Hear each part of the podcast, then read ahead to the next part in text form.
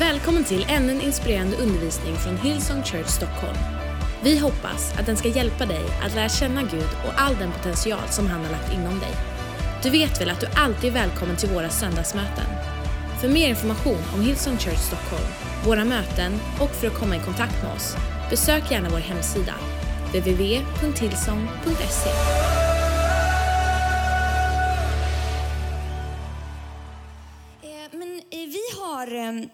ett uttryck i vår familj som har hjälpt oss mycket och som förklarar en hel del som jag använder ibland. Och det är ordet hangry. Är det någon som har hört vad det, vet vad det är? Hungry, angry. Och det här ordet och det här tillståndet, eh, det, det brukar inträffa någon gång på eftermiddagen, ungefär vid den här tiden. Kanske känner så just nu. Det spelar ingen roll hur bra dagen har varit faktiskt. Du kan ha haft en jättebra dag, det kan ha varit en produktiv dag. Men någonstans kring klockan fem, sex någonting, då är det något som slår till. Det spelar ingen roll om du älskar dem i din omgivning egentligen. Det spelar ingen roll om du har gjort stora framsteg den här dagen. Men plötsligt så förlorar du allt hopp. Plötsligt finns det ingen mening med livet. Plötsligt är alla runt omkring så fruktansvärt irriterande. Eller hur? Titta inte på din granne just nu. Men det, det har hjälpt oss som familj att bara in, att förstå att det här tillståndet finns. Och för oss som är föräldrar så vet vi att eh, vår bästa vän är en banan.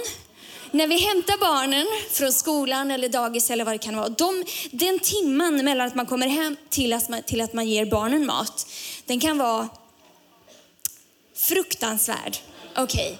Och har du ingen, inget barn så vet du att det kan vara fruktansvärt själv att genomlida det här. Och alla, ni vet, eh, 7-Eleven och eh, Pressbyrån och så här, de vet precis att man är i sin svagaste eh, liksom, ställe precis den tiden på dagen. De lägger chokladbitarna så här nära fönstret. De gräddar bullarna, kanelbullarna så att det, doften flödar ut. Men det som är intressant är att allting kan lösas med lite mat. Eh, och det, det här kanske är det bästa tipset, det här kanske är det enda du får ut av predikan idag. Men det här är det jag kan säga, starta inga bråk. Bara lägg ner och ät något.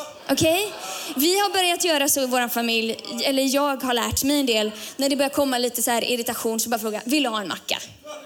Vill du ha en macka? Eller så bara helt tyst så bara ger man någon en banan. Det, det har väldigt bra lösningar. Men det finns ett ställe i Bibeln där möjligtvis ungefär 15 000 människor var hangry. Jag vet hur det är att ha fyra personer i en familj som är hungriga men, och arga. Men det här var 15 000, upp till 15 000 personer. Eh, och jag tänkte läsa i Johannes evangeliet kapitel 6 och vers 1 så står det om det här tillfället. Sedan for Jesus över till andra sidan Galileiska sjön, alltså Tiberiasjön. Mycket folk följde honom eftersom de såg tecken som han gjorde med de sjuka.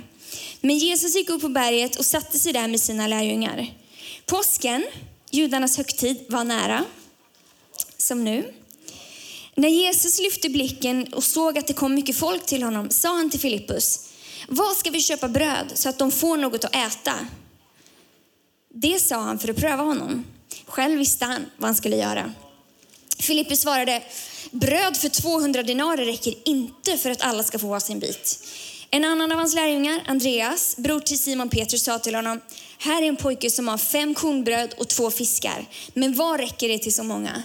Jesus sa, låt folket slå sig ner. Det var gott om gräs på den platsen. De slog sig ner. Det var ungefär omkring 5 000 män. Och på det så lägger man alltså till kvinnor och barn och det var på det sättet man räknade. Så ungefär 15 000 människor. Jesus tog bröden, tackade Gud, delade ut det till dem som var där, likaså av fiskarna, så mycket de ville ha.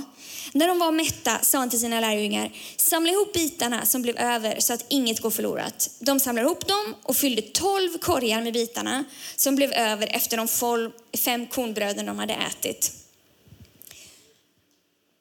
Vilket fantastiskt. Ja, ni, liksom, har du vuxit upp i kyrkan så har du hört den här historien ganska många gånger, men den fortsätter att fascinera mig det som, som kan vara bra att veta här är att det finns ju ett sammanhang, någonting som hände innan och någonting som hände efter. Det som har hänt för lärjungarna här är att de har, Jesus har sänt ut dem till olika städer. Så lärjungarna har gått ut två och två till olika städer och berättat för människor om Jesus och eh, utfört under i Jesu namn och liksom sjuka har blivit friska och så vidare. Och så kommer de tillbaka eh, och så får de veta, eh, så får de ett dödsbesked. Det vill säga någon som de känner väl har dött. Eh, och det var Johannes döparen som, som hade blivit halshuggen. Och då, allt det här, de är ju rätt slut. Det, och dessutom är det på eftermiddagen, så Jesus säger så här, men kom här. Vi åker över till andra sidan sjön så att ni får vila. Jag förstår att ni är helt slut efter att ni har gett ut till massa människor. Eh, och vi, också, vi behöver liksom ta hand om oss. Ni behöver mat och vi behöver ta hand om oss själva här och, och sörja Johannes och, och, och så vidare.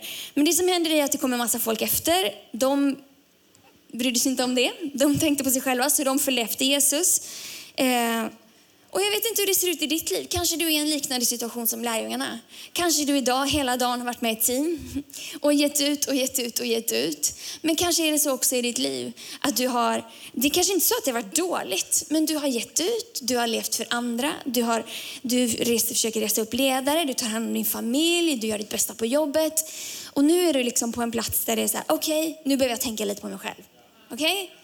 Jag, har gjort, jag har gjort mitt jobb, jag har gjort mer än det förväntas, jag har gått den extra milen. Nu behöver jag mat. Nu behöver jag tänka lite på mig själv. Jag är frustrerad, jag är ledsen, jag är... Och sen så kommer alla människorna och det ser ut som att behoven tar aldrig slut. Men det som är så häftigt är att den, på den platsen, låt mig tala lite hopp in i dig idag. Just på den platsen när du har kommit slut, när din kraft är helt slut, det är där Jesus börjar. Och du är på helt rätt plats för ett mirakel i ditt liv just idag. Och Gud har alltid en större plan. Bibeln säger att hans tankar är högre än våra tankar och hans planer är högre än våra planer. Så han, han vad du än kan tänka dig så har han tänkt så mycket bättre. Både för dig och dem i din omgivning. Romarbrevet kapitel 8 och vers 28 säger att vi vet att allt samverkar till det bästa för de som älskar Gud, som är kallade efter hans beslut. Det innebär det bästa i ditt liv och i andras liv. Men i dig också. Precis allting. Så, titeln på dagens predikan, har den kommit upp? Stretchad tro. För det som är så intressant med det här stället är att de har, de har kommit till den här platsen och Jesus vänder sig till Filippus och frågar, det, det låter som man ber om råd. Och om man stannar upp ett ögonblick så frågar Jesus, ah, Filippus, vad ska vi göra? Ska vi, ska, hur ska vi ge dem mat? Låt mig ge dig ett tips. Jesus visste vad som skulle göra. Det står till och med så här, det är inte så att han behöver hjälp. Det är inte så att Gud behöver dig och mig. Han undrar så här, oh, hjälp, nu vet jag inte vad jag ska göra med, people med liksom people flowet in på söndag eftermiddag här i kyrkan. Jag, får, jag får, måste ha hjälp av Mattias Rindefors. Alltså det, det går inte. Matte, vad ska vi göra? Mattias är fantastisk, men Gud behöver inte dig och mig. Han har redan svaret. Men det som är så häftigt är eh, i Johannes eh, kapitel 6 och vers 6 så säger han ju så här, det var där vi läste. Det sa han för att pröva honom. Själv visste han vad han skulle göra. Och det här kan vara så otroligt frustrerande. Varför säger han inte från början vad vi ska göra? Jag står här i mitt liv och funderar på hur jag ska få ordning på mina barn. Hur ska vi klara den här pre-teen season? Gud, och han vet redan vad vi ska göra. Kan han inte säga det då? Eller liksom på, med den här personen som jag har försökt få komma till kyrkan gång på gång på gång. Jag smsar, jag ringer, vi tar fikan. Alltid är det någonting. Och Jesus vet vad vi ska göra, men han säger inte det. Vad hela friden? Okej okay, Jesus, det här är inte läge. Jag är hangry. Jag har, nått till min liksom, jag har nått till slutet av vad jag klarar av och vad jag orkar. Jag har gjort allt jag kan. Och du vet, men du säger inte. Varför i hela friden gör han det? I översättningen The Message, i de verserna så, så står det så här. When Jesus looked out and saw that large crowd had arrived, he said to Philip, Where can we buy bread to feed these people? He said this to stretch Philip's faith. He already knew what he was going to do. Så i våra liv så finns det alltid fler, mer saker som Gud vill göra. Jesus vill inte bara mätta de människorna som finns omkring oss och att vi ska kunna vara använda om honom, utan han vill alltid göra någonting i oss också. Ni vet, hans tankar är alltid högre, alltid större. Så Jesus hade mer än ett mål med det här. Han ville absolut att människor skulle bli mätta, men han ville stretcha Filippus tro. Och i våra liv idag så vill Gud stretcha våran tro och få oss att tro mer om honom, få oss att tro större om honom och tro att han kan göra mer i och genom våra liv. Och om du känner att det du har inte är tillräckligt, precis som de här fem bröden och två fiskarna, så är det fine. Det är oftast så Gud, Gud liksom agerar. Och kanske att det du har i din hand är tillräckligt för dig själv. För om man tänker efter, fem bröd, några fiskar. Jesus kunde säkert fått mat där. Och de allra viktigaste lärjungarna, eller hur? Om de bara hade tänkt på sig själva.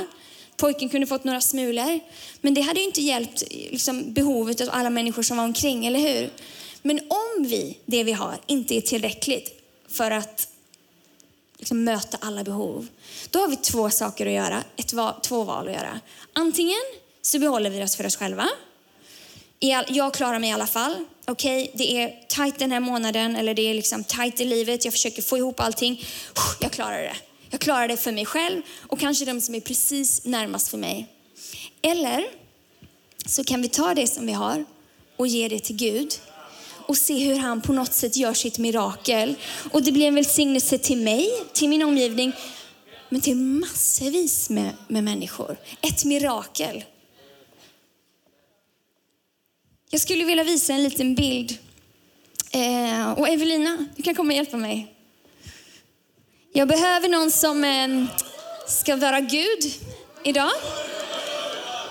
Evelina Larsson, min fantastiska. Hur hade livet gått utan dig? Och jag vet, oj. Jag vet kanske att din teologi nu, när jag beskriver Gud som en kvinnlig, en kvinna som härstammar från Asien, kanske sätts i gungning. Men det är ingen som vet exakt hur han ser ut. Men just idag så är Evelina Gud. Du är bra nära. Eh, och jag är jag. Och vad Gud vill göra är att Gud är alltid, han är alltid på väg framåt, eller hur? Han är alltid på väg in i det nya. Han tänker alltid mycket mer och han vänder ju inte ryggen till mig, eller hur? Utan han är ju alltid ansiktet mot mig. Men det som händer nu är att det börjar bli ganska jobbigt. Jag känner att jag stretchas just nu. Och det är ganska obehagligt. Och Gud säger så här, låt oss ta nya steg, låt oss ta nya steg. Och jag bara, Gud, jag klarar inte det här längre. Jag känner att jag bara stretchas, jag känner att jag bara, jag klarar inte av det här. Så vad är det enda sättet för mig att lätta på den tension som jag känner? Det är att ta ett steg framåt. Och plötsligt, ett steg framåt i tro, och plötsligt så känns det lite, lite lättare. Och jag ser att det håller. Och ett steg till. Men när, det är, när man är här, då är det rätt jobbigt alltså. Och man tycker att Gud, vad håller du på med? Gud, var är du någonstans? Jag behöver mitt mirakel. Jag behöver mitt mirakel, Gud. Jag har bett dig för allt. Ja, släpp. Det är ett test i förtröstan här också. Men det som är häftigt med Gud är att han drar aldrig så hårt så att det brister. Utan är alltid, alltid liksom ett steg till för att vi ska våga ta ett steg till i tro.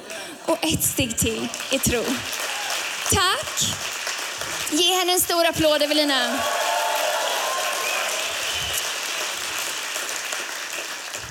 Men det är det Gud vill göra. Och kanske att när du har glömt alla ord jag säger, att du kommer ihåg den bilden. Gud vill stretcha våran tro. Han vill att den ska växa. Hebreerbrevet 10, kap kapitel 10, vers 38 säger, min rättfärdiga ska leva av tro, men drar han sig undan så har min själ ingen glädje i honom. Så vad kan vi göra? Hur kan vi stretcha vår tro? Hur kan vi växa? Det är ju bästa sättet är att se på vad Jesus gjorde. Ehm, alla evangelier nämner faktiskt den här... Hjälp vad ont jag har i armen. Det känns som att det fortfarande sitter ett gummiband här. Jag är så vältränad. Men jag skulle behöva göra lite här också. Ehm, efteråt ska vi köra ett pass. Köra gummiband. Ehm, ja, nu ska jag inte tappa tråden.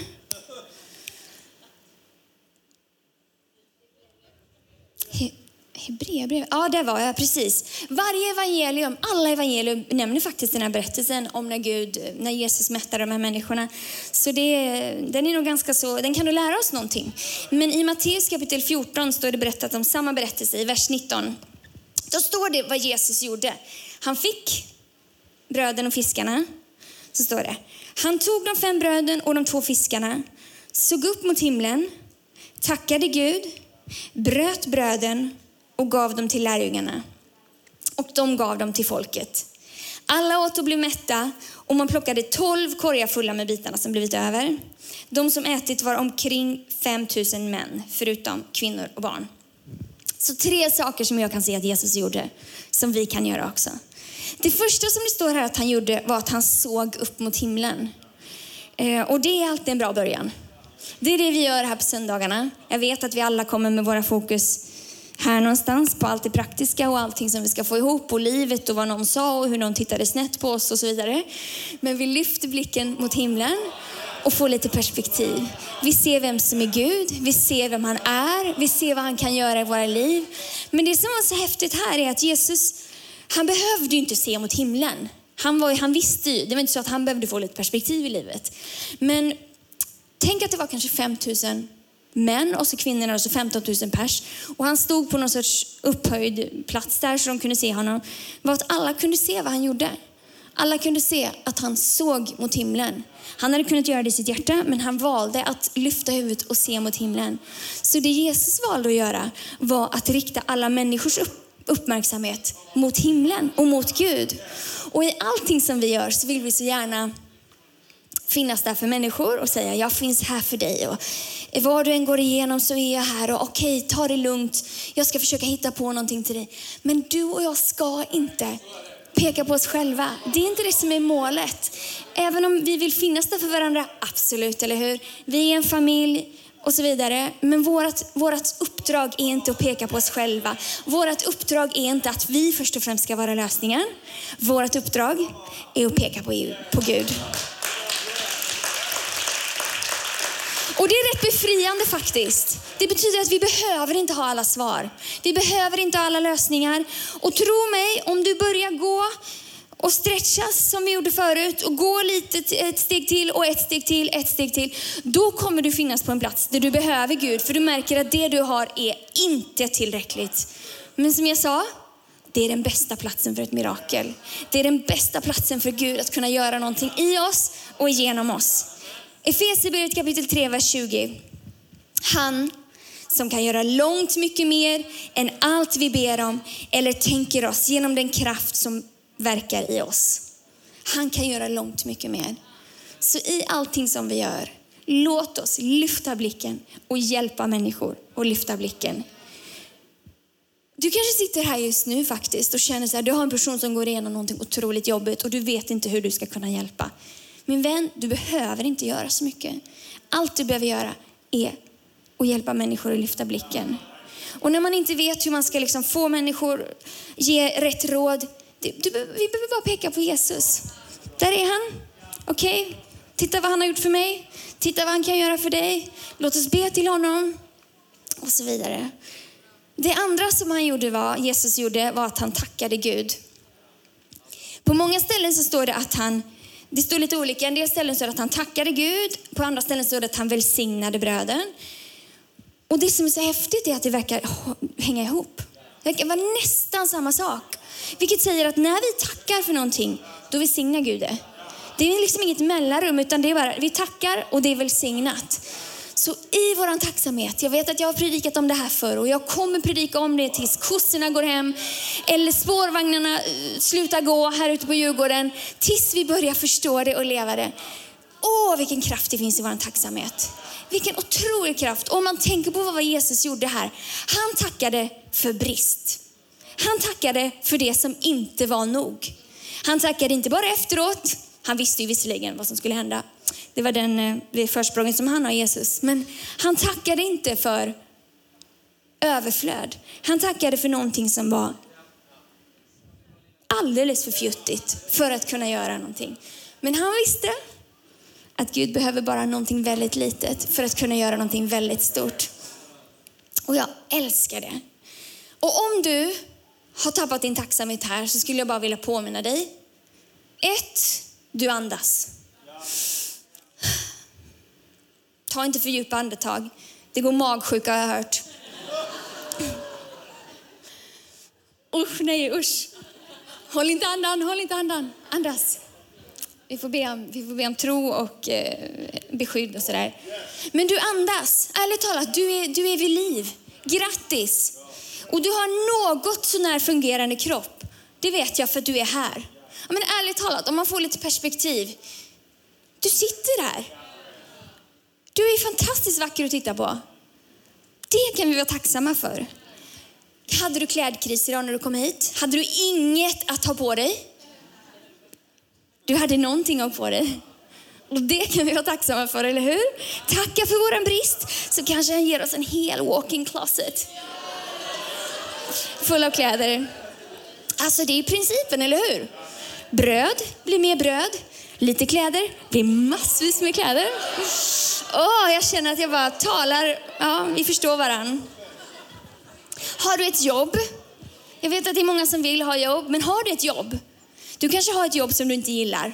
kanske har ett jobb som är ostimulerande, eller där du inte uppskattas, eller där det är liksom, ja du vet, ja, det är ett, ett jobb är ett jobb, eller hur? Vi behöver alla, vi behöver alla lite lön liksom. Men tänk om, tänk om, ja så är det. Vi är tacksamma för det. Men se inte ner på det. Tänk om det jobbet som du har fått är dina hur många bröd det nu var? Fem? Och det är liksom, det är ingredienserna för ett mirakel.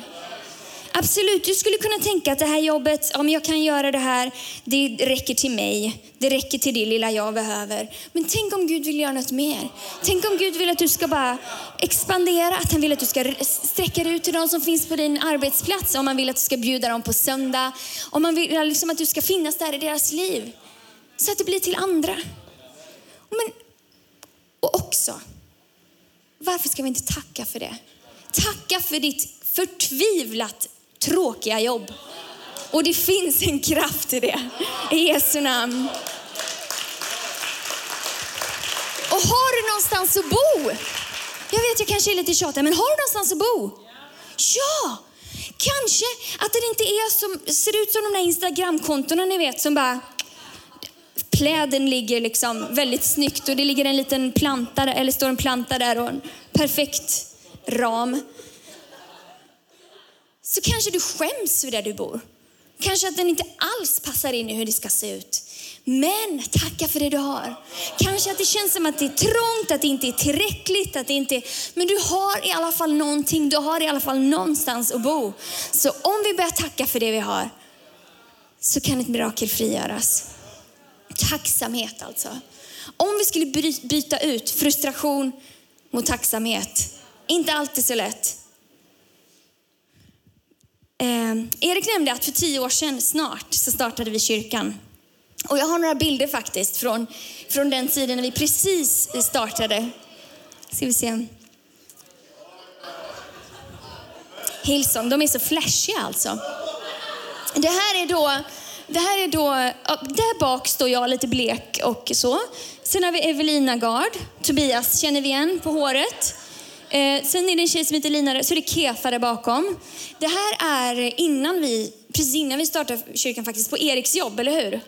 Det var väldigt intressant. Det var vad vi hade i vår hand då. Eh, Erik hade ett jobb.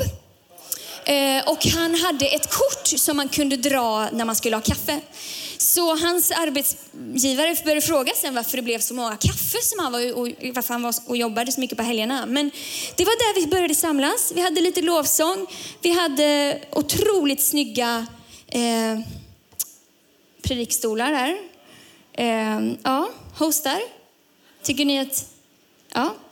Vi, vi kan kolla på nästa bild. Sen, sen så fick vi faktiskt en lokal. Det här är Casinoteatern och det där är Lizzie för de som känner henne. Lizzie har varit med länge, grymt. Eh, och du kanske tror att det fortsätter, alltså det tar slut där. Efter den, eh, efter den raden. Det är ett, det är ett eh, vad hade vi, ett eh, ljudbo, vad heter det?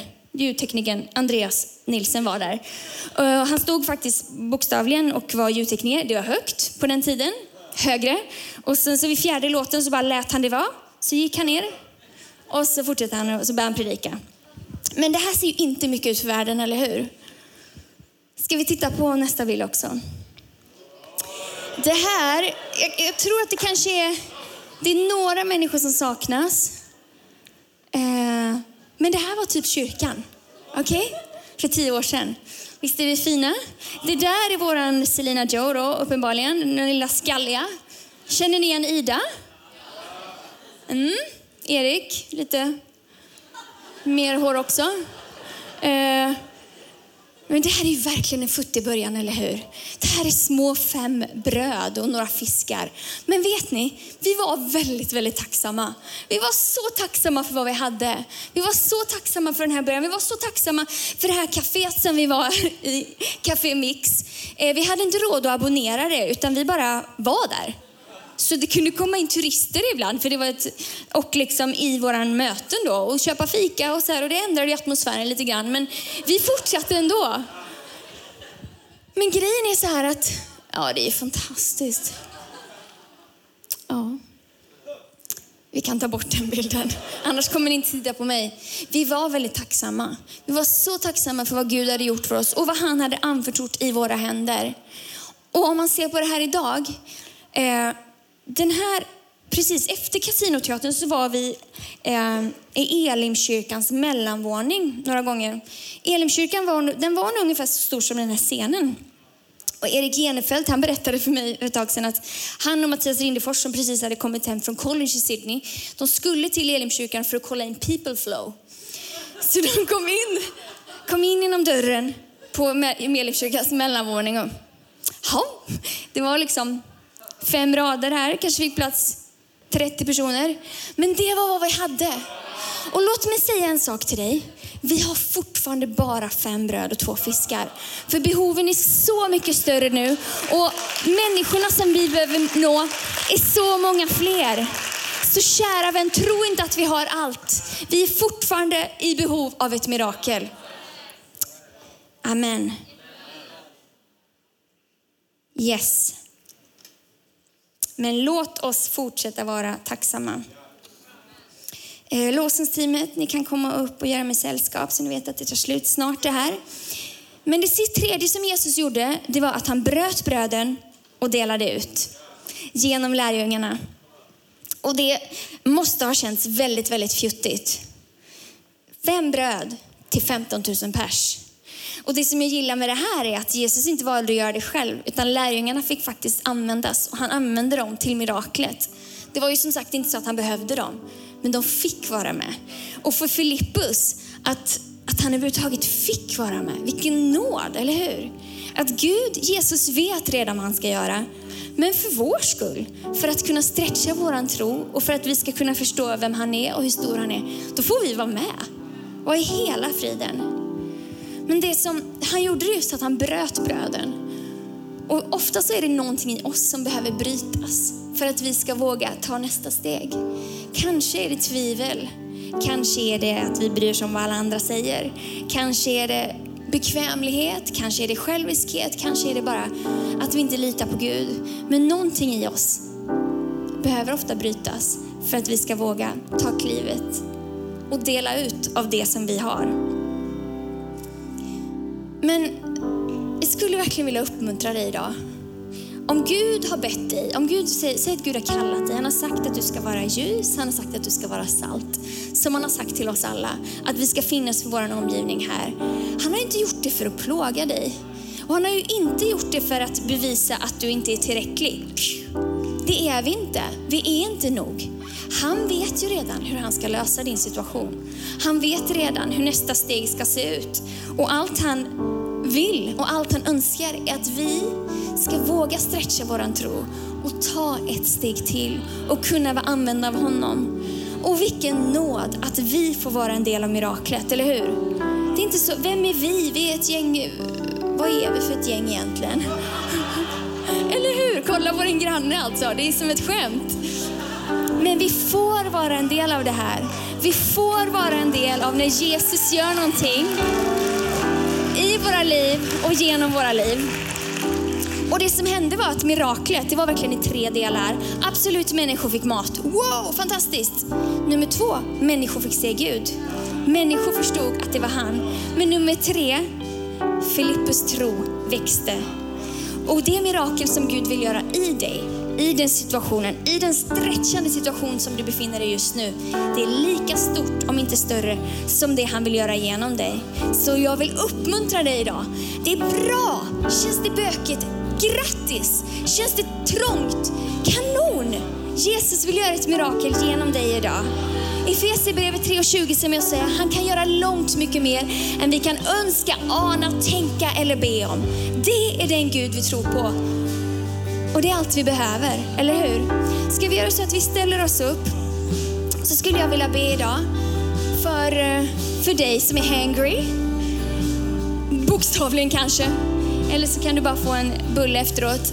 Men eller att du känner att du är på en plats där du liksom, okej okay, du har jobbat hela dagen, bokstavligen eller bildligt talat. Du har kommit till en plats där det har tagit slut. Du har gjort allt som du kan. Du har kommit till korta, men du behöver att Gud gör ett mirakel. Dig vill jag be för idag. Och jag vill säga till dig, miraklet finns precis framför dig. Jesus vet redan vad han ska göra.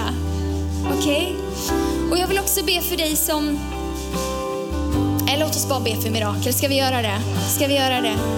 Så om det är så att du, någonting av det jag talat till dig, är du trött, behöver du ett mirakel, är det, har du en omöjlig situation, känner du att det här har jobbat med ditt hjärta så att du verkligen vill stretcha och ta ett steg i tro. Varför inte bara lyfta dina händer så ska jag be för dig. Vi kan ta bort det här. Jag tackar dig Gud för att du är miraklernas Gud. Jag tackar dig för att när vi kommer till vårat slut så är det där som du börjar Jesus. Jag tackar dig Gud för det mirakel och de möjligheter som finns här inne just nu. Herre, jag tackar dig för de små bröd och fiskar som vi har i våra händer, Herre. Och vi vet att det inte är tillräckligt, Herre, men du är tillräcklig. Så i Jesu namn så tackar jag dig för att just nu förlöses massvis med mirakel här, Herre. Jag tackar dig för öppnade dörrar. Jag tackar dig för omöjliga situationer som bara vänds i Jesu namn. Jag tackar dig för smarta lösningar på problem som vi inte kunde komma på själva, Herre. Jag tackar dig för relationer som ser helt brustna ut, men som du återupprättar i Jesu namn. Jag tackar dig för de människor och de hjärtan här som har kommit till korta, Herre, som är trötta. Herre, jag tackar dig för att du säger att vi ska komma till dig och ta ditt ok. För din börda är lätt och ditt ok är milt. Jag tackar dig Herre för att du just nu fyller människor med kraft, med glädje, med styrka, med vishet. Och Herre, jag tackar dig för att vi får leva tillsammans med dig Herre. Tack Herre för det som du gör i oss och det som du vill göra genom oss Herre. Tack för din nåd, tack för din kraft, tack för din härlighet Herre. I Jesu namn. Amen. Tack för att du har lyssnat. Om du vill veta mer om Hillsong och mer om vem Gud är, kontakta oss gärna. Eller gå in på www.hillsong.se. Och kom ihåg, du är alltid välkommen till våra gudstjänster. Om du vill ha mer information och uppdateringar av pastor Andreas Nilsen, följ honom på Twitter, Instagram och Facebook där hans användarnamn är Andreas Nilsen.